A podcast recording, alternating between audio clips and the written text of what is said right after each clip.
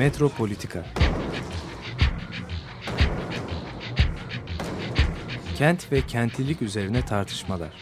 Ben oraya gittiğim zaman balık balık balık balık tutabiliyorum mesela.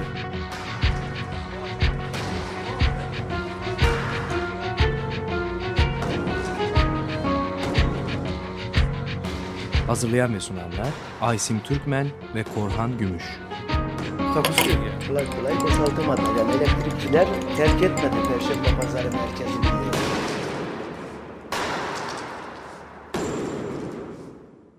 Merhaba sevgili Açık Radyo dinleyicileri.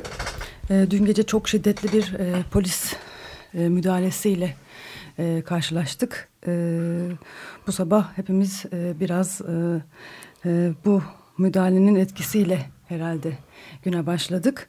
E, ancak biz biraz böyle e, bugün programımızda e, daha geniş bir çerçeveden bu olaylara e, bakabildiğimiz e, ölçüde bakmaya e, çalışacağız.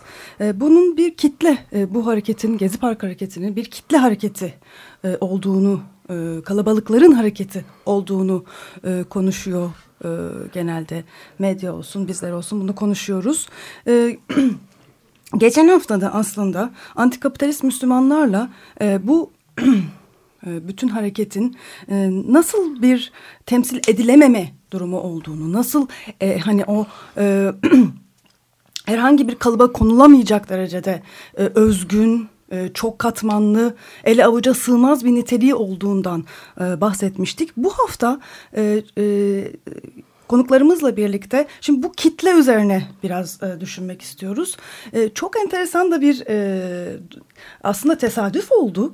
E, gelecek hafta e, 17 ile 19 Haziran arası e, Bilgi Üniversitesi Santral Kampüsü'nde kitleleri yeniden düşünmek, hukuk, şiddet, demokrasi adlı bir e, konferans düzenleniyor ve bu konferansı düzenleyen Zeynep e, Koçak şimdi aramızda. Hoş geldin Zeynep. Merhaba. e, bu konferansta aynı zamanda e, kitle, cemaat, direniş e, temaları üzerinden Gezi Parkı'nı tartışacak olan Ferda Keskin de e, aramızda. Hoş geldin Ferda. Hoş bulduk, günaydın. E, şimdi isterseniz e, hani kitleleri yeniden düşünmek, kitle, hani bununla ilgili e, sanırım e, sosyal bilimler literatüründe çok ciddi bir e, hani okuma listelerini verebileceğimiz bir literatür var. E, yani hani ama Türkiye'de de çok fazla tartışılmadı e, bu hani bu tarafından hiç tartışılmadı bu tarafından görülmedi. E, isterseniz hani buradan başlayalım. Hani bu kitle üzerine çalışmalar nasıl, kimler var ve sonra belki konferansın detaylarına geçeriz. Hı hı. Sen mesela nasıl başladın bu kitle üzerine düşünmeye?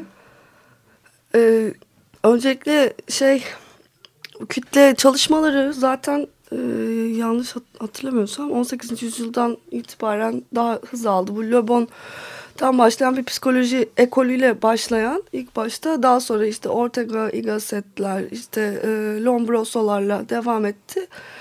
Tabii e, bunun çıkış noktası belli bir zamana kadar hep e, kitlelerin kötü olduğu ve bunların bir araya gelince IQ seviyelerinin düştüğü için e, tek bir gerçekten çünkü bütün e, bu bahsettiğim teoride bu bahsettiğim akımda şey denir e, kitle bir araya gelir ve bir üst akılla hareket etmeye başlar. Fakat bu üst akıl hiçbir zaman bir insanın e, akıl seviyesine gelemez. O yüzden kitle bir e, eksik çocuk gibidir tabiri kullanılır. Tabii bu kitle çalışmaları daha sonra çok daha e, değişik bir şekil aldı. Bütün bu teknolojinin gelişmesi artık meydan e, meydan anlayışının değişmesi, şehirlerin belli yapılarının değişmesi ve tabii ki insanların haberleşme şekillerinin de artık daha e, teknolojik bir ortamlar yayılması. İşte bu tahrir meydanı, tahrir e, direnişleri hakkında da bu çok konuşuldu hatta. Ben bu e, konuyla üç sene önce şeyi çalışırken ceza hukukunun temellerini çalışırken aslında e, ilk düşündüm. Ee, Bu arada ben e, tabii e, senin e, sadece konferansın organizasyonunu yapan insanlar tanıttım ama e, sen aslında hukuk evet. felsefesi doktorası yapıyorsun. Paris'te École des Hautes Études en Sciences Social'de doktora yapıyorsun. E, bunu da e, belirteyim. E, ben bunu yüksek lisans tezine başlarken aslında çalışıyordum. Ceza hukukunun temelleri aslında toplumsal olarak nerede duruyor ve nereden kaynaklandı gibi bir yerden çıkış noktam ve sonuç olarak vardığım yerde e, daha böyle ceza hukukunun dışında bir ceza hukukunun toplumsal olarak varlığı, bir ceza sisteminin varlığı yani e, toplumsal kontrol mekanizmasıyla mı çıktı ceza hukuku yoksa devlet yapılanması e, gelip birden ceza hukukunu mu ortaya koydu? Yoksa zaten hukuk denilen şeyin çıkışı birbirine e, toplum içinde ceza vermek miydi başta? Ben bunları araştırmaya başlamıştım ve vardığım noktada da bir toplumsal kontrolün bütün hukuk sistemlerinde e, var olduğunu gördüm. Ve bu toplumsal kontrol herhangi bir şekilde devlet tarafından yönlendirilmiş ya da yönlendirilmemiş olsa bile bir kitlenin varlığından ortaya çıkıyordu. Çünkü e, mesela Amerika'yı düşünelim. Bütün bu e, siyahilere yapılan e, hukuk dışı cezalandırmalar, e, var olan orada toplumun kendi kurduğu mahkemeler, bir yargılama, ceza sistemleri.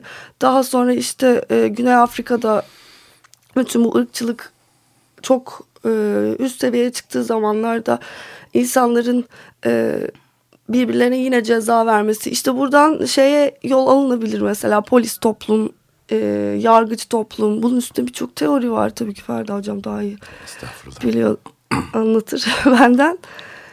E, çıkış noktam buydu. Sonuç olarak da doktorada da e, zaten çok tesadüf oldu. Şeyi çalışıyorum.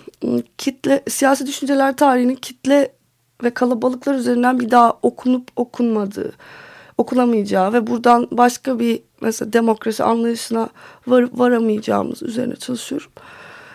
Ee, Aslında hani çok önemli sosyal e, bilim teorisyenlerinde bile kitleyle ilgili böyle hani sanki kontrol edilmesi gereken, kontrol altına alınması gereken e, bir e, durumdan bahsediliyor. Yani o anlamda mesela Benjamin'in hani kalabalıklarla ilgili e, yaklaşımı hani e, bu, bu burada daha alternatif bir yerde Hı duruyor gibi geliyor bana. Evet. E, şimdi istersen biraz da bu hani konferansta e, hani e, kimler var, neler konuşulacak, yani e, e, dünyanın değişik taraflarından akademisyenler geliyor ve e, bambaşka açılardan kitleyi konuşacaklar. E, dünyadaki son dönem olmuş olan bu Occupy e, hareketlerini ko konuşacaklar. Buradaki e, Gezi Parkı ile ilgili e, işte e, Ferda sen e, anlatacaksın ama bunlar karşılaştırılacak. Hani bambaşka bir aslında bir boyutta tartışmaya başlanacak. Evet.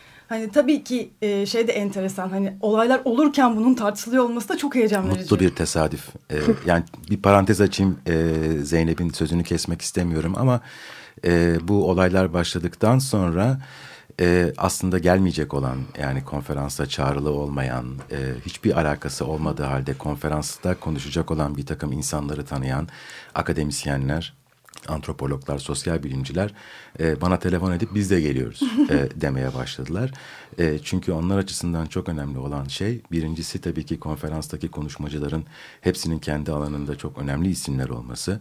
Kitleleri yeniden düşünmek gibi çok ilginç bir e, tabii ki burada konunun tartışılacak olması. Fakat mutlu bir tesadüf olarak tam da o kitleleri yeniden düşünmek derken sözü edilen kitlelerin şu anda sokakta, Taksim Meydanı'nda, Gezi Parkı'nda, Kuğulu Park'ta, İzmir Kordon'da, Hatay'da ve Türkiye'nin çok farklı yerlerinde sokakta e, olmaları.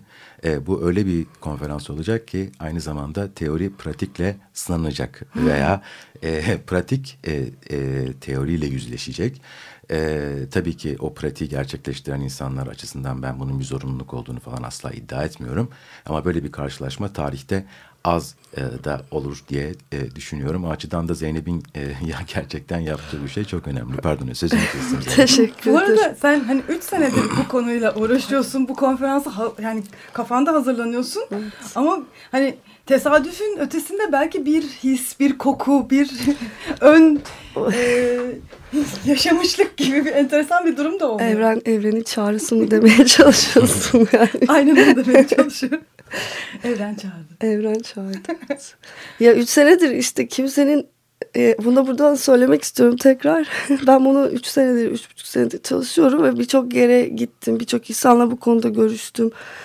Ee, özellikle Türkiye'de ya daha doğrusu bir tek Türkiye'de karşılaştım. Özellikle işte bu bazı bir takım akademisyenlerin e, muhafazakarlıkları bu konuda o kadar e, beni zorladı ki çünkü bunun hiçbir şekilde ne hukukla ne hukuk felsefesiyle benim alanım çünkü hukuk felsefesi hiçbir ilgisi olmadığı olsa olsa sosyoloji olabileceği onu da olamadı çünkü sosyolojide böyle teorilerin var olmadığı üzerine birçok veto yedim. Ve yani Nasihatlarda bulunmuş. Tabii, tabii, çok- Sen sosyolojiye git en iyisi. hani tabii sen işte şunu yap bunu yap ya da doğru düzgün hukuka benzeyen bir konu bul falan gibi böyle anlamsız havada uçuşan terimler kullanma gibi. Ama sonuçta umarım yani bu e, yani tabii sonuçları inşallah iyi süreci kötü olan bu e, direnişle birlikte bunun ne kadar önemli bir şey olduğunu umarım e, artık anlamışlardır diyorum. E, konferansa da bir senedir çalışıyorum. Gerçekten çok büyük tesadüf oldu. Özellikle de tam 2-3 hafta önce başlaması. Bilmiyorum bir koku Faiz lobisinin işi değil yani. Bir şey soracağım e, Zeynep. E, kitleler hakkında çalışıp çok radikal şeyler söylediği halde bu olaylar başladıktan sonra çeşitli bahanelerle gelme e, gelmekten vazgeçenler olmuştur diye düşünüyorum. Oldu mu? Evet oldu. Ya isim vermen gerekmiyor Ver- da çok merak ediyorum. Benim de başıma ama- geldi çünkü bu daha önce. Evet iki kişi e, can güvenliğine olmadığını düşündükleri için e, son dakikada dün bir tanesi iki gün önce bir tanesi gelmekten Tamam. vazgeçtiler ve daha da hani vazgeçmeyenler de sürekli işte kaldığımız otelde işte şey var mı güvenlik görevlisi var mı bizi götürecek getirecek araçlar var mı can güvenliğimizi sağlayabilecek misiniz gibi bir takım koşmalar E, yapıyorlar. Eylem kiti vereceğiz diyebilirsin. E, yani bir, bir torba içerisinde böyle gaz e, bir iki tane maske, e, bir tane deniz gözlüğü, e, bir şişe e, Gaviscon veya e, antiasit e, olabilir bu talsit. E, bir tane fıs fıs sprey, e, başka ne konulabilir? E, Spor ayakkabı. e, spor ayakkabı, bir tane de inşaat maskı mesela şey kas kaskı. E, bundan birer kit olarak e, konferansın e, kayıt esnasında e, verilebilir. Hatta bunu web sitesine bile koysam belki faydalı olur diye düşünüyorum. Mi? Belki o zaman gelmeye karar verir. Gelmekten vazgeçenler. İstersen biraz hani konferansın e, hani e, temalarına, hani oturumların temalarına falan da değinelim. E, izlemek isteyenler için ya da izleyemeyecek olanlar için hiç değilse bir e, öngörü olabilir. Ee, öncelikle tabii Ferda Hoca, hocamla bir de e, onunla beraber konuşan Warren e, özellikle çok sevdiğim bir oturum bu ve iyi olacağını düşünüyorum. Ee, Gezi Parkı ve Zuccotti Park'ın Occupy Wall Street karşılaştırılacak. Bir de Warren'ın konuşmasında ben anladığım kadarıyla bir de Tahrir Meydanı'nın e, zaten Occupy Wall Street'le karşılaştırması vardı. Dolayısıyla mesela bir oturumda üçü birden açılmış olacak. Yani Tahrir, Tahrir, Wall Street Evet. e, ve Gezi Parkı Gezi bir arada Parkı. bulunacak. Ama ben Şöyle- karşılaştırma yapmaktan ziyade spesifik olarak Gezi Parkı üzerinde. yok yok oturum karşılaştırma Aha, evet, gibi olacak. Tamam, çok Onu güzel. e, söylüyorum. İstersen e, Warren Warren Breckman Aha. e, söyleyelim. UPenn'de tarih profesörü. Pennsylvania Üniversitesi'nde tarih hı hı. profesörü. Kitle konuşabilir mi? E, Evet, diye bir soruyla. Occupy Wall Street, öz örgütlenme ve doğrudan demokrasi konusunun başlığı. Bunun dışında mesela şey m, Kostas Tuzinas Birkbeck e, Üniversitesi'nde hukuk fakültesinin kurucularındandır kendisi. Ayrıca e, birçok Left Review of Law gibi e, hukuktaki e, ideolojileri sol ideolojiyi anlatan birçok e, journal'ın da kurucusudur. O geliyor, o ilginç bir konuşma yapacak. Direniş çağı. Aynı şekilde o o kendi konuşmasının içinde de bir karşılaştırma yapıyor. Tabii biraz daha işte o da teorik. Tabii bütün konuşmacılarımız zaten e, kendi alanları içinde bir teorik altyapı kur, kuruyorlar zaten. Bunun dışında ha, şey bölümü var e, konferansın. Hangi gün bu? Bakalım ikinci günün öğleden sonrasında Nazan Üstündağ Boğaziçi Üniversitesi'nden bir de Bonn Üniversitesi'nden Yavuz Aykan. İkisi şeyden bahsedecekler. Ee, mesela Yavuz şey Yezidilerin e, Osmanlı Kürdistan'da Yezidi kazuistiği üzerinden bugünkü siyasete ve yap, e, örgütlenmeye, direniş örgütlenmesine e, bu direniş tam resistance'ın ka karşılıyor mu bilemiyorum ama daha böyle bir tepkisel olarak bir Duruş. duruş demeye çalışıyorum. Onu anlatacak. E, aynı şekilde Nazan Hoca da Kürt kamusal protestolarında kural çiğnemek ve imaj yaratmak. E, bu fotoğrafın direnişlerde aslında ne kadar önemli bir yeri olduğunu çünkü gerçekleri e, ortaya çıkartarak aslında direnişin temelini oluşturduğunu çünkü tabii ki biliyoruz hepimiz medyada penguenlerden işte halk polise saldırdı binlerce polis öldü gibi abuk subuk şeylere kadar birçok şey var. Hani o da fotoğraf üzerinden bunu anlatacak. Yani herkesi tek tek anlatmayayım. genel Genel, olarak hani- olarak Hani birkaç örnek vermek. hani, e, hani e, bazı oturumların e, temalarından bahsedebilirsin. ha, mesela e, çok önemli Michael Tosig açılış konuşmasını yapıyor. Kolombiya Üniversitesi Antropoloji bölümünde profesör kendisi. E, bu yığışma e, İngilizcesi swarm hareketini anlatacak. Zaten bu eylemlilik, eylem e, tekniği üzerine birçok teori var ve Michael Tosik'le de kendim de konuştuğunda şeye çok şaşırdığını söylemiştim. Bütün bu insanlar nasıl bu kadar kısa zamanda bu kadar ciddi bir eylem tekniği edindiler. Ve Tam olarak neden bahsediyorsun yığışma derken? Yığışma derken bunun iki üç tane e, aslında çeşidi var. Birincisi e, bu daha önce konuşmuştuk bunu tabii ki de e, önden arkaya gitme. Yani önde saf tutanların bir müddet sonra arkaya gitmesi, arkadaki safların öne çıkması değil mi? Evet. Swarming İngilizcesiyle Swarming. yani gruplaşma sonra dağılma tekrar gruplaşma Tekrar. şeklinde sürekli hareket halinde olan bir direniş kitlesi aslında. Kimsenin birbirini arkada bırakmaması, düşenleri sürekli kaldırılması. Yani bunlar ciddi örgütlerin eylem anlayışlarıdır ve böyle iki gün içinde herkes bir teknik geliştirdi. Yani yıllarca politiklik içinde olmuş yani politik e, hareketliğin parçası olarak doğmuş mesela Meksika'da falan bahsediyoruz ve hani hayatını böyle geçirmiş böyle, böyle neredeyse böyle ölmüş ölecek olan insanların e, örgütlenme biçimini e, bir anda hani Gezi Parkı'ndaki e, direnme e, direnen insanlar kendi başlarına iki günde e, oluşturdular. Bu da hani kitlenin ne kadar enteresan bir yapısı olduğunu gösteriyor. Bence eee, şey bu kadar teknik edinmenin sebeplerinden biri de çok kısa zamanda politize olmak ve bunu bir an önce eee, eyleme geçirmek. Çünkü orada yaralanan var işte birçok insan, insanlar orada kalmaya çalışıyorlar. Yani artık şey bitmiş durumda. İnsanlar hayatlarını ortaya koyuyorlar.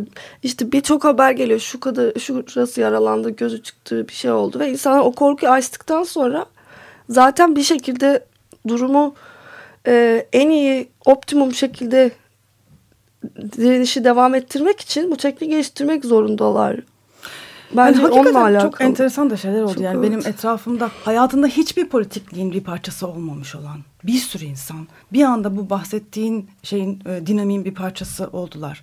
E, Ferda'nın söylediği bir şey vardı. O mesela hani e, kollarını açıp o suya direnen e, kızın yaptığı şey aslında örgütlü politikliğin hiçbir zaman yapmayacağı bir şey. Büyük bir olasılıkla yapmama konusunda çok temkinli davranacağı, te- ne kadar tehlikeli olduğunu bildiği için. Yani hiç bu temkini olmadan bambaşka bir şekilde orada hareket eden grup kendi başına da bambaşka icatlar yarattı. Hani çok yaratıcı, Yaratıcı bir süreç ve oldu. kendiliğinden spontane bir Evet. şey tabii ki bu. İstersen biraz hani buradan e, senin Gezi Parkı gözlemlerine e, gelelim. E, sen e, hareketin başından itibaren her gün neredeyse oradaydın, e, direnişin bir parçasıydın. E, hem gözlemlerin var hem e, bir de senin de en çok enteresan bir şekilde e, bir iki senedir verdiğin bir ders kitle üzerine. Yok bir iki sene değil toplam 12 sene oldu. Pardon. ben bu dersi ilk 2001 yılında Boğaziçi Üniversitesi'ndeyken vermiştim. Son 3 yıldır da İstanbul Bilgi Üniversitesi'nde veriyorum. O da mutlu bir tesadüf. Kitleden ziyade o e, tekillik ve cemaat kavramları üzerinden yeni bir komünizmin e, olabilirliğini e, düşündüğümüz ve öğrencilerle tartıştığımız bir dersti ve çok ilginç oldu tabii ki. E, çünkü son günü dersin son günü e, 31 Mayıs'tı yani Cuma günüydü e, ve derste biz e, şey yaptıktan sonra e, dönemin e, özetini yaptıktan e, sonra e, öğrencilerle hep beraber Taksim'e e, çıktık elbette. E, fakat e, bizim yani Taksim'e çıktığımız zaman gördüğümüz e, şey tam da e, tabloyu e, ifade etmiyor. E, bana kalırsa e, bu e, olaylar içerisinde birbiri ardına başlayan, birbiriyle paralel olarak devam eden üç ayrı hareket var. E, bunlardan bir tanesi Taksim Dayanışması ve Taksim Platformu gibi bir takım isimler altında e, daha çok sivil toplum e, örgütü veya kuruluşu modeli üzerinden örgütlenmiş olan e, bir hareket. E, bu hareketi teorik olarak değerlendirmeye kalktığımızda artık bana kalırsa son derece modası geçmiş bir paradigma kullanılabilir. O da nedir? Sivil toplum, siyasal toplum, toplum, e, devlet, e, kamusal alan, e, işte müzakere e, ve e, diyalog, e, prosedürel demokrasi e, gibi bir takım e, kavramlar üzerinden e, gerçekten de e, başlangıçtan itibaren e, var olan e, bu birinci hareket son derece de saygıdeğer bir harekettir. Yanlış anlaşılmasın düşünülebilir ama e, bu hareket e, daha sonra yerini başka bir harekete bıraktı demeyeceğim. Başka bir hareket devreye girdi. Çok daha kitlesel olan bir harekettir bu.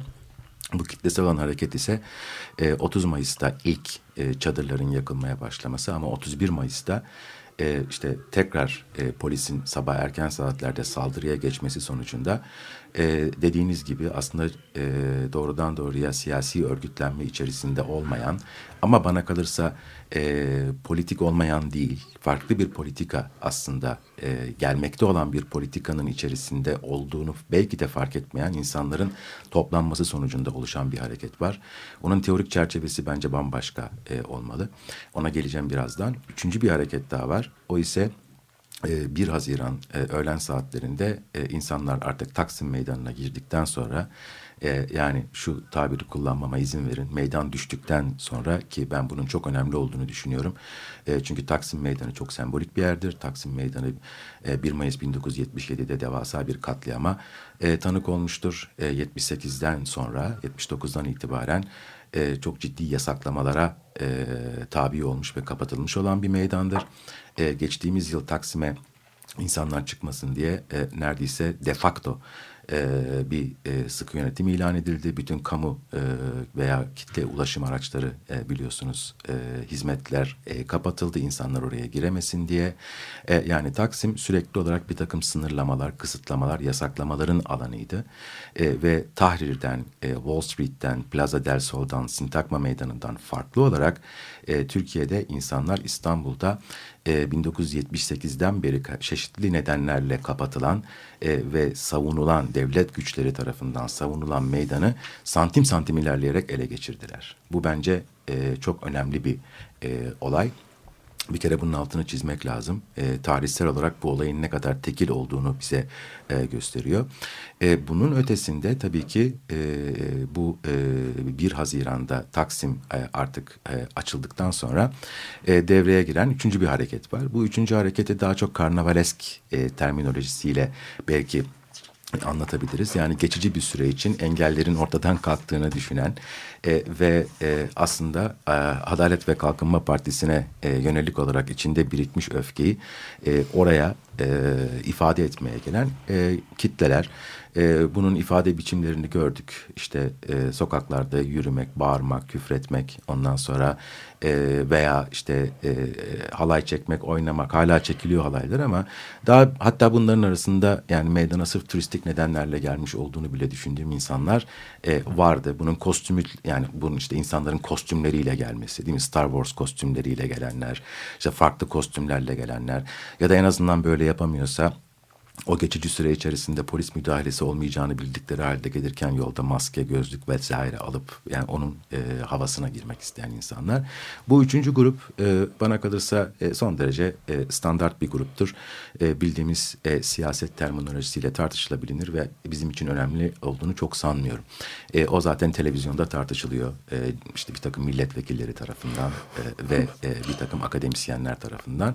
E, önemli olan ikinci grup burada. Yani e, Cuma sabahı e, polisin saldırıya geçtiğini duyduğu anda kitlesel olarak Taksim'e çıkmak üzere mücadele vermeye başlayan ve e, dört bir yandan meydanı ele geçirmek için e, gelen ve vahşi bir polis saldırısına karşı inatla e, direnen ve bu direnişi de inanılmaz bir dayanışma içerisinde yapan bir şey. Bir kere e, bu hareket şunu gösterdi ki e, farklı gruplardan gelen insanlar, farklı sınıflardan, e, farklı kesimlerden gelen insanlar e, gerektiğinde müthiş bir dayanışma e, e, refleksi gösteriyorlar.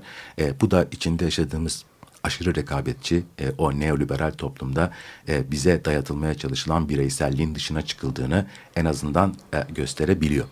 E, ben işte oradaydım, tanık oldum insanların nasıl birbirlerine e, yardım ettiklerini. E, peki nedir bu ikinci e, gruptaki kitleyi tanımlayan şey? Bence ikinci gruptaki kitleyi e, tanımlayabilmek için e, kullanılabilecek olan çok güzel bir teorik malzeme var. O da 1986 yılında ilk defa e, Fransız filozof Jean-Luc Nancy'nin Esersiz Cemaat kitabıyla başlayıp arkasından Maurice Blanchot, Georges Agamben gibi bir takım Georges Agamben gibi bir takım felsefecilerin de e, katkısıyla e, gelişen e, bir e, teorik çerçeve. Şimdi bu teorik çerçeve e, biraz karmaşık e, olabilir. O yüzden e, ben e, sadece ana hatlarıyla şunu söylemek istiyorum. Bir kere bu modernitenin dışında olan bir çerçeve. İki anlamda. Bir tanesi öznellik kavramlarıyla düşünemeyeceğimiz. İkincisi temsiliyet kavramıyla. Tam da senin dediğin gibi e, temsil edilemeyen e, bir cemaat bu. Ama e, o e, temsiliyeti de iki farklı şekilde düşünmek lazım. E, birincisi e, öznellik düzeyinde. ikincisi e, kolektivite e, düzeyinde e, şu tespiti e, yapmak gerekiyor diye düşünüyorum. E, orada e, yani 31 Mayıs e, ve 1 Haziran'da e, meydana girebilmek için var olan e, kitle belirli bir e, ortaklık üzerinden bir aidiyet üzerinden bir araya gelmişti. Fakat bu aidiyetin hiçbir koşulu yoktu. E, aidiyetin koşulu olması demek insanların ortak bir kimlik etrafında toplanması demektir. Yani aidiyet koşulları kimliği tanımlarlar ve o koşulları yerine getiren yani o kimliğin öznesi olan insanlar o koşullar ve onlara içkin olan normlar üzerinden bir araya gelirler. Bu bildiğimiz standart e, işte siyasi örgütlenmede de olan bir şeydir. Yani kitle kendi kendisinin nesidir? Ürünüdür. Nasıl ürünüdür? Kendini tanımlar ve o tanımın içerisine giren insanları o kitlenin içerisine kabul eder, o örgütlenir ve harekete geçer. Burada asla böyle bir şey yoktu. Burada hiç kimse ait olabilmek için kendi herhangi bir koşulun yerine getirilmesi gerekmediğini biliyordu. Koşul derken de insanın kendini kendi zihninde hangi kavramlarla temsil ettiğinden bahsediyorum. Yani ben solcu olabilirim, Müslüman olabilirim, komünist olabilirim, erkek olabilirim, kadın olabilirim, lay, gay, lezbiyen, işte trans olabilirim. Bütün bunlar birbirinden çok farklı e, özelliklerdir, niteliklerdir. E, insanlar kendilerini kendi zihinlerinde bunlar üzerinden temsil ediyor olabilirler. Kendilerine bu kavramlar üzerinden bir kimlik atfediyor olabilirler ve bu kavramlar üzerinden bir ortaklık kurabilirler. Ama böyle bir ortaklık yoktu orada.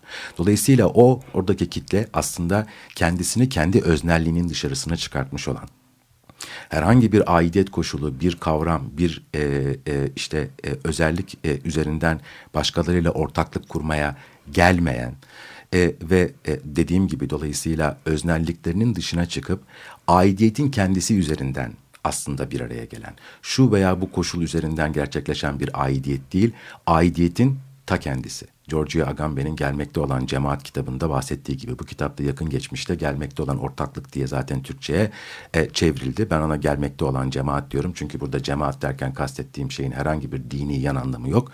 Konotasyonu Cem'den geliyor yani toplama. E, toplama ama bir ortaklığı olan insanlar üzerinden. Fakat bu ortaklık hiçbir kimlik üzerinden olan bir ortaklık değildi.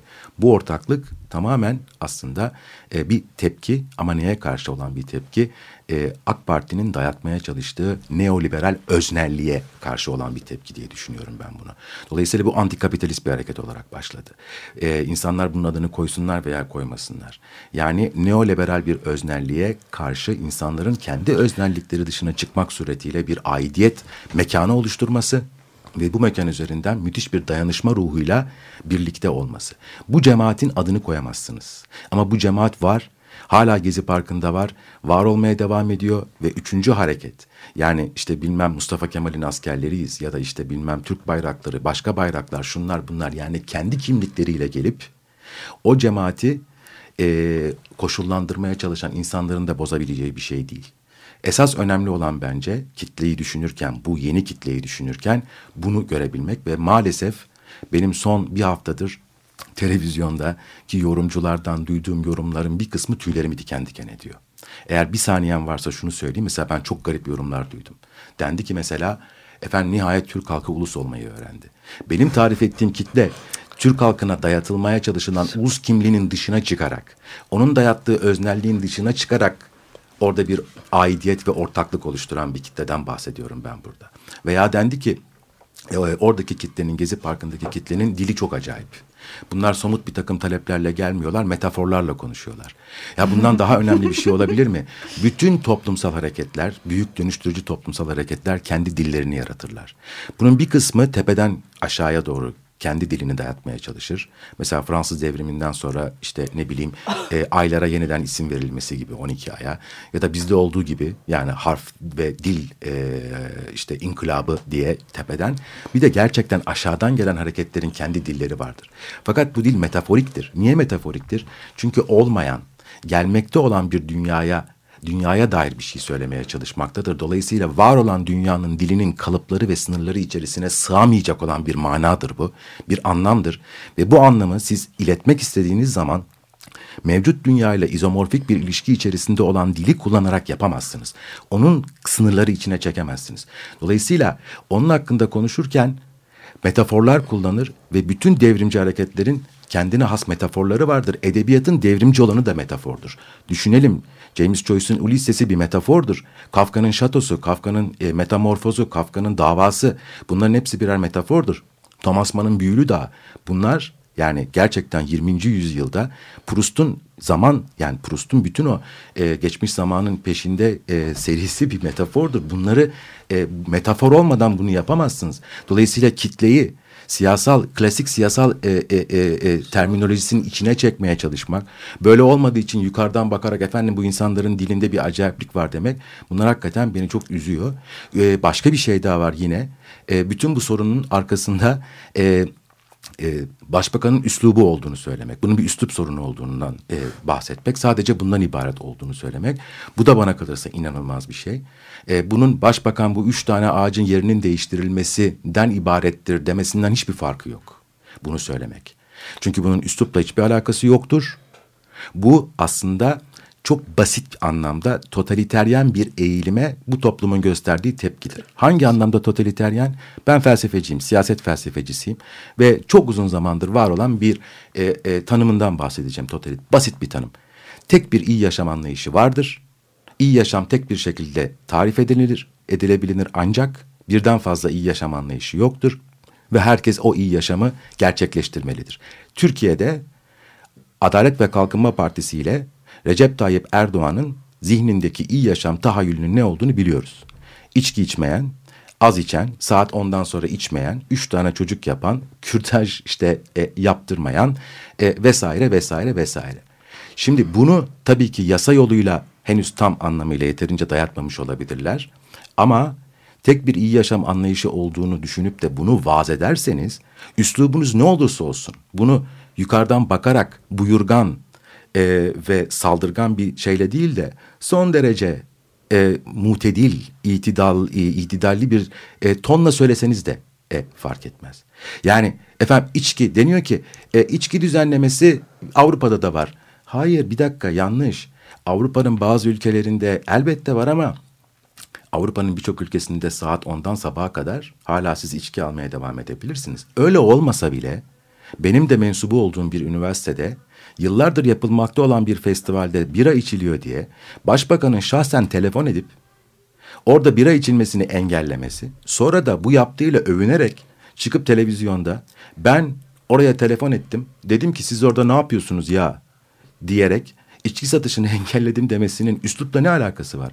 Bunu kibarca da söyleyebilirdi. Diyebilirdi ki aa ben çok şaşırdım, çok rencide oldum. Telefon ettim o üniversiteye dedim ki ya arkadaşlar siz de çok yani biraz fazla değil mi? Hani şunu bir, bir zahmet iç, e, içkiyi satmayın. Şimdi bu daha nazik bir üslup. Bu değiştirecek mi yapılan müdahaleyi? Hayır elbette e, değiştirmeyecek. Dolayısıyla e, burada e, bir bir üslup sorunu falan e, yok. Üslup sorunu aslında çok derinde Burada bize dayatılmak istenen veya vaaz edilen, telkin edilen o iyi tek iyi yaşam anlayışının üstünü örtüyor bize bilakis. Üslup sorununa dikkat çekmek aşağıdaki sorunu bence görmezden gelmek olacaktır. Bunlar çeşitli örnekler. Yani işte üslup sorunu demek, metaforlardan şikayet etmek, ulus oluyorlar demek, şu demek, bu demek falan. Ee, bunlar bu terminolojiyle biz tartışamayız diye düşünüyorum. Ben oradaki ikinci hareketi. İkinci hareket şu anda Gezi Parkı'nda devam ediyor. Ve Gezi Parkı'nda insanlar sabahleyin kalktıklarında bu sabah sanki hiçbir şey olmamış gibi o kadar gazdan sonra, evet. o kadar şeyden sonra, o kadar yağmurdan sonra e, şey yaptılar. Çalışmaya devam ediyorlar. Ben de buradan çıktıktan sonra tekrar oraya gideceğim. E, ve e, işte e, bana kalırsa en büyük kazanımlardan bir tanesi budur. Ben bir şey eklemek istiyorum istiyorum mümkünse. Ee, o kadar doğru bir şey ki ben de şey üzerine çalışıyordum. Sürekli işte bu kitle e, Taksim Meydanı'ndaki kitle şiddet gösteriyor şiddet, şiddetsizlik, kitlelerin şiddeti falan böyle bir takım şeyler dönüyor sürekli. Ben gerçekten bu e, devlet iktidarı ve totaliterliğinin bir e, perdesi olan meşruiyet kavramının gerçekten bu insanlara bu şekilde uygulanmaması gerektiğini düşünüyorum. Şiddet açısından böyle bu, dediğiniz gibi bu terminolojinin içine sokulmaması gerekiyor. Çünkü meşruiyet devlete dairdir, kitleye değil. Evet bir taraftan da şiddet demek aslında siyaset felsefesi geleneği içerisinde rıza ile karşıtlık içerisinde düşünülen bir kavramdır. Evet. Bu da çok eski bir paradigma. Yani toplumsal sözleşme, doğal hukuk teorilerinden beri gelen ve işte bugün de belli bir takım filozoflar tarafından hala tartışılan bir şey bu. Yani rızanın olmadığı yerde şiddet, Değil mi? Şiddet olmayacak, rıza olacak. O da rıza neyle ilgili? Meşruiyetle evet. ilgili. Bu kavramlar yani meşruiyet falan e, artık bana kalırsa e, dediğim gibi ama yani Taksim platformu olabilir veya başka bir takım sivil toplum kuruluşları olabilir. O çerçeve içerisinde düşünen, davranan onları anlamamıza yardımcı olabilir bu terminoloji. Ben olamaz demiyorum, olabilir. Ama oraya 31 Mayıs'ta çıkan ve 1 Mayıs, e, 1 Haziran'da da e, meydana giren e, kitlenin dediğin gibi bununla bir alakası yok. O kitlenin çıkış noktası aslında neoliberal bir öznelliğin dayatılmasına. Bunun olacağı belliydi. Bakın e, bir yakın geçmişi düşünelim. Yani bu polis şiddetiyle ilgili olarak. Roboski'yi falan hiç saymıyorum. Ama işte kürtaj denince kadınların kürtaj haktır e, diye sokağa dökülmesi. Arkasından bu içki meselesi. Arkasından çok önemli bir şey ODTÜ olayları. Kimse bahsetmiyor bundan. ODTÜ olaylarında öğrencilere karşı e, orantısız şiddet uygulanmıştır. Arkasından e, başbakan ve hükümet e, üniversite öğretim üyeleri ve öğrencilere son derece tepeden bakan ve e, saldırgan bir dil ile e, aslında e, şey yapmışlardır. E, onları nitelendirmişlerdir. E, bu vardı. E, önemli olan bir başka şey daha ligin son haftasında yani Beşiktaş'ın Gençler Birliği diye hatırlıyorum emin değilim ama maçında bile polis inanılmaz bir biber gazıyla saldırdı. Oradan geçen kadın, çoluk, çocuk, turist, insan, vatandaş, e, e, e, taraftar yani bu anlamda belki de çarşının bu kadar tepki göstermesi de bir tesadüf değil. Çünkü onlar ligin son haftasında orada kimsenin yemediği gazı yediler. E, dolayısıyla bunun zaten geleceği belliydi. O yüzden yani başbakanın üslubu demek veya işte e, bu sadece üç beş tane ağaçtır demek falan a, değil. Bir taraftan bu şiddet yani bu bu bu e, şey gaz, e, öbür taraftan dayatılmak istenen bir şey e, neoliberal e, e, öznellik e, ve en önemlisi benim açımdan bir antikapitalist olarak şu anda neoliberal e, aktörlerin birbirine düşmüş olması. Eğer başbakan bugün çıkıp faiz lobisinden şikayet ediyor, onların ümüğünü sıkıyor, e, sıkarız diyebiliyorsa o zaman kapitalizm kendi içinde ciddi bir çatlağa şu anda Evet. tanıklık ediyor. Yani bir rant mekanizması, şehircilik vesaire ne bileyim bilmiyorum bu kent siz daha iyi bilirsiniz, sen daha iyi bilirsin Aysim. Ama bir tarafından gelen e, yani kapitalizmin bu neoliberalizmin e, mekanizmaları içerisinde e, hiç beklenmedik bir çatlak oluştu. Yani faiz lobisi dendi. Yani faiz çünkü bankacılık sistemi zaten borçlandırmadan var olamaz ki.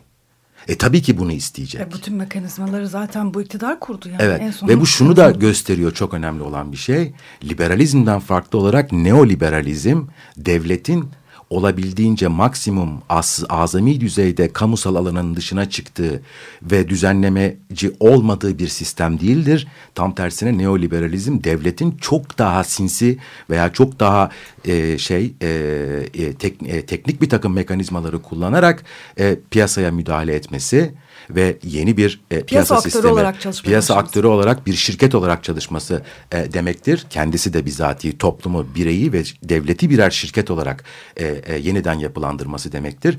Ve şu anda görüyoruz ki e, devlet burada harekete geçti. Devlet iki defa harekete geçti. Bir tanesi kitle karşısında, bir tanesi sermaye karşısında. Ve kitle karşısında bu kadar şiddete başvurmasının sebebi de bana kalırsa şu. Bunu gelmekte olan cemaat kitabının sonunda zaten Giorgio Agamben çok güzel söylüyor. Diyor ki devlet diyor her türlü kimlik talebine olumlu cevap verebilir. Devletin kendinin kimliğinin değişmesi talebine dahi. Çok isterseniz devlet kendi kimliğini de değiştirebilir. Kimlikler, aidiyetler e, var olduğu sürece. Ne zaman ki belirli bir kimlik ve aidiyet üzerinden değil de sadece aidiyetin kendisi üzerinden kitleler meydana çıkarlar. O zaman devlet diyor tanklarıyla ve ateş arabalarıyla müdahale eder. Tiananmen Meydanı'nın örneğini veriyordu. Bu 1989 düşünün Tiananmen e, Meydanı olayları. İşte devletin kitleye karşı bu kadar şiddetle cevap veriyor olmasının temel nedenlerinden bir tanesi karşısındaki o grubun önden tahmin edilebilir bir takım normlar üzerinden örgütleniyor olması değil, tam tersine e, herhangi bir koşul üzerinden ait olması değil, aidiyetin kendisi üzerinden ait olması ve bir dayanışma ruhu içerisinde oraya girmesiydi. Buna tahammül edemezler, edemiyorlar, edemeyecekler ama tam da devam edecek olan bu bana kalırsa. Öğrenilen bu swarm hareketiyle olsun, oraya çıkan insanlarla olsun. Ye- öğrenilen yeni bir şey bu. Öbür türlü çünkü zaten biliyoruz. Yani Molotov kokteyliyle yapılan bir direnişin ne manaya geldiğini. insanlar burada yepyeni şeyler öğreniyorlar. Bakın yani Gezi Parkı'nda var olan insanların bana kalırsa önemli bir kısmı küfür ettiği zaman, belden aşağı bir küfür ettiği zaman ve bu küfründe şimdi adını vermeyeyim küfürlerin ama eee e, sadece küfrettiği insanı değil, birçok insanı rencide ettiğini, kadınları, eşcinselleri rencide ettiğini ilk defa yeni burada öğreniyor. hayat kadınlarını. Hayat kadınlarını, e, seks işçilerini, e, geyleri, lezbiyenleri, bütün kadınları aslında toplu halde hepsine birden küfür ettiğini ve bunu yapmaması gerektiğini şimdi örneğiyle bunu söylerseniz anlatırsınız önemli değil. Bunu dinler dinler ondan sonra tekrar sokağa çıktığı zaman çatır çatır küfrünü eder. Artık o küfür etmemesi gerektiğini öğrendi. Nereden öğrendi? Hayat kadını dedin sen işte veya seks işleri çıktılar dediler ki bilmem kim bizim çocuğumuz değildir yanlış anlamayın. Veya kadınlar gittiler seksist sloganların üzerlerini boyadılar. Boya- evet. Bunları öğrenmek, bunları öğrenmek, bunları öğrenmek çok önemli olan bir şey. Ve e, dolayısıyla bu hareketten bizim daha öğreneceğimiz çok şey var. Bunun teorisini yapmaya devam etmek gerekiyor ama teoriyi yaparken asla pratiği göz ardı etmemek gerekiyor. O yüzden de benim medyaya inanılmaz bir öfkem var. Bu işler başladığından beri STK'cı, siyasetçi, akademisyen, gazeteciler, aynı isimler döne döne her programda çıkıyorlar. Fakat ben ne Müslüman sosyalistleri, ne antikapitalist Müslümanları, ne LGBT'cileri, ne ciddi anlamda orada mücadele veren çevreciler içerisinden gelen genç insanları göremiyorum. Plaza eylemcileri de yok. Mesela. Çarşı grubu da yok. Çarşı grubu da yok. Pla çok doğru. Bu insanlar yani ve deniyor ki bir orada ne olduğunu anlamaya çalışıyoruz. Ya anlamaya çalışıyorsan oradaki insanları dinle. Ne diyorlar? Onları konuştur. Onlar anlatırlar zaten. A, metaforla anlatır, metonimiyle anlatır. Efendime söyleyeyim alegoriyle anlatır. O da senin görevin. Onların e, çözmek, deşifre etmek, anlamaya çalışmak. Ama işte siz aynı isimleri, aynı profesörleri, aynı aktivistleri, aynı milletvekillerini defalarca oraya çıkartıp konuşturursanız ne o hareketin ne manaya geldiğini anlayabilirsiniz ne de şimdi olduğu gibi o hareketin içine girebilirsiniz. Bir şeye daha dikkatinizi çekeceğim. Burada susacağım. Kusura bakmayın çok konuştum ama e, farkındaysanız ana akım medya Gezi Park'ın içine girmiyor. Merdivenlerde yapıyor yayınlarını ya da yukarıdan bakan bir yerden. Niye ana akım medya dayak mı yiyecekler? Yok. Gezi Parkı içerisinde şiddet yok, taciz yok. Oluyor ufak tefek gerginlikler, bastırılıyor, anlaşma sağlanıyor. Niye girmiyorlar? Niye girmiyorlar? Niye uzaktan bakıyorlar? Yani bu gece kon ben solcuyum deyip gece kondu mahallesinde 200 metre uzaktan e, şey çekmek gibi, film çekmek gibi. E, bir yandan da bu şeyi de hatırlatıyor. E, başbakanın bana muhatabımız muhatap olacak insanı bulun onu getirin. Hani hep bir yöne çekmek, bir tarafa sokmak. E çünkü temsil kutu, kutulara belli koyabilmek. bir tem, temsil e, mekanizmasına indirgenmek isteniyor ki ele avuca sığsın. Yani çünkü temsil belirli bir kimlikle geldiği zaman o kimliğin içerisinde onu içini dolduran normların ne olduğu da bellidir ve o normları benimseyen insanların bir adım sonra ne yapacakları da bellidir. Ve bu aslında o hareketi denetlemeye, kontrol altına almaya çalışan merci açısından büyük bir stratejik rahatlıktır. Halbuki karşınızda ne yapacağı belli olmayan bir kitle olduğu zaman bu sizi rahatsız eder. Ve o kitle orada, orada olmaya devam edecek elbette. Ya medyanın şiddeti göstermesi bile çok daha kolay o anlamda. Oraya parktaki oluşum, orada mesela her gece forumlar oluyor. Tabii. Her gece inanılmaz tartışmalar dönüyor. Canlı yayında oraya girmesi hakikaten şiddeti göstermesinden daha tehlikeli. Tabii ki orada şiddet olmadığını, orada bir dayanışma e, ruhu olduğunu, e, orada e, işte e, insanların ilk defa karşılaştıkları siyasi grupları durup dinlediklerini, yani e, hatta o siyasi grupların sattıkları yayınları satın aldıklarını, o yayın 50 kuruşsa 5 lira verdiklerini, bütün bunları yani gör, görmüyorlar, gör, göstermek de e, istemiyorlar e, diye düşünüyorum. Sosyal medyaya yükleniyorlar. Sosyal medyada e, bilgi çöpü varmış. E, ana akım medyada sanki bilgi çöpü yok. yani e, zaten olaylar başladıktan sonra yani meydan düşene kadar ana akım medya bunu vermeye dahi cesaret edemedi. Ondan sonra şimdi de dediğim gibi affedersiniz İngilizce'de bir laf vardır. Beating around the bush diye. Yani çalıların etrafında dolaşmak, içine bir türlü girmemek. E, bunlar da Gezi Parkı'nın etrafında dolaşıp dolaşıp yani beating around the bush ondan sonra içine girmiyorlar. Bir girseler şu bir konuşsalar antikapitalist Müslümanlarla çünkü antikapitalist Müslümanlarla LGBT'ciler yan yana duruyorlar. Arada beş metre mesafe var. O kadar bile değil. Mustafa Kemal'in askerleriyle de yan yana durduklarını söylediler geçen hafta. Evet. Mustafa Kemal'in askerleriyle de yan yana duruyorlar. Orada şey var. e, tarım yapanlar var şu anda. Dikilmiş olan domates e, fidanlarına e, Maydanozlar. maydanozlara serumla e, su verenler var. E, yani çiçek dikenler var ölenlerin anısına vesaire.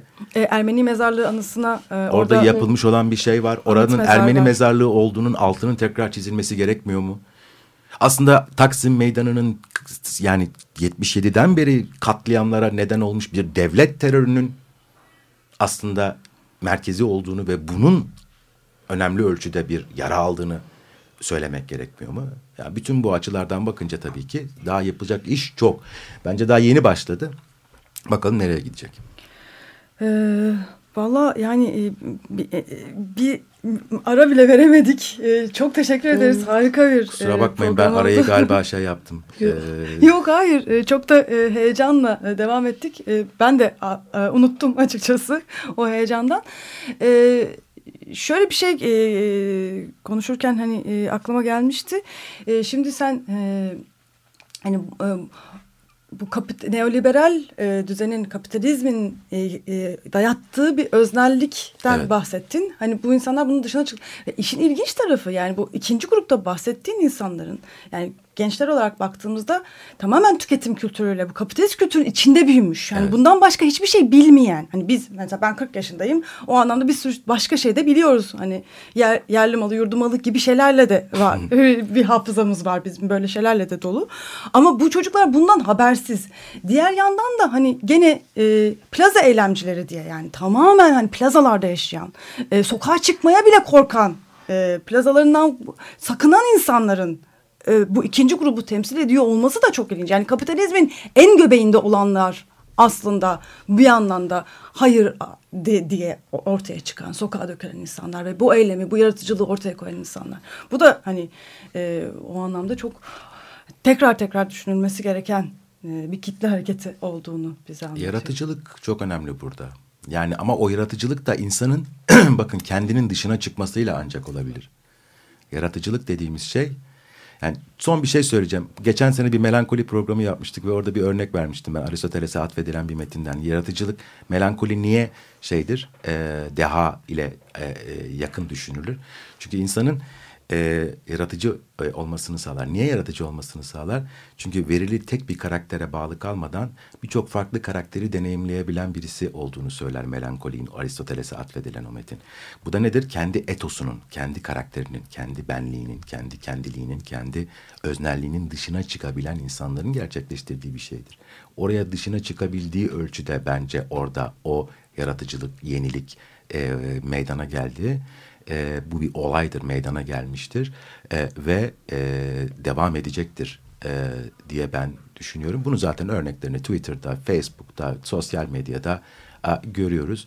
E, önemli olan tabii... Olmuş olması bile yeterli bence. Hani Elbette. Bu, yani devam edeceğine ben de eminim ama olmuş olması bile bir gün, bir saat bile olmuş olması çok ciddi tarihi bir durum. Bunu çok, tarih yazacak Bunu artık. tarih yazacak yani siyasetçiler ne derlerse desinler ne kadar bastırırlar bastırsınlar. Sen dün akşam söylemiştin zaten tarih bunu yazacak diye.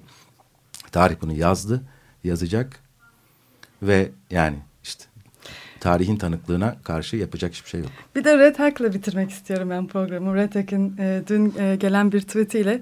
Durum iyidir çünkü gerçekler devrimcidir Süper. evet. ee, bir e, hani bir, bir dakika daha alacağım. Belki e, zamanımızı açtık ama e, gelecek hafta olan şu konferansı bir kere daha duyurmak istiyorum. 17-19 Haziran arası Bilgi Üniversitesi Santral Kampüsü'nde kitleleri yeniden düşünmek, hukuk, şiddet ve demokrasi konferansına bekliyoruz. E, çok teşekkür ederiz e, Zeynep. Can güvenliği de sağlıyoruz. Bu arada konferansa gel gelecek olan arkadaşlar için. Biz Zeynep, teşekkür ederiz. Zeynep Kocak çok teşekkür ederiz. Serdar Keskin çok teşekkür ben ediyoruz. Ben teşekkür ederim. İyi haftalar diliyoruz.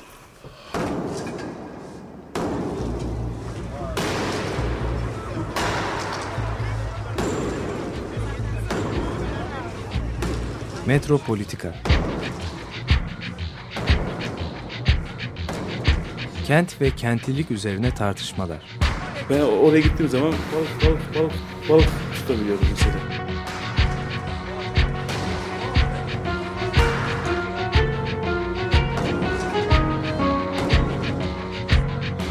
Hazırlayan ve sunanlar Aysim Türkmen ve Korhan Gümüş. Takusuyor ya. Kolay kolay boşaltamadı. Yani elektrikçiler terk etmedi Perşembe Pazarı merkezini.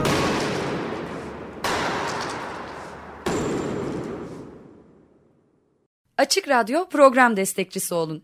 Bir veya daha fazla programa destek olmak için 212 alan koduyla 343 41 41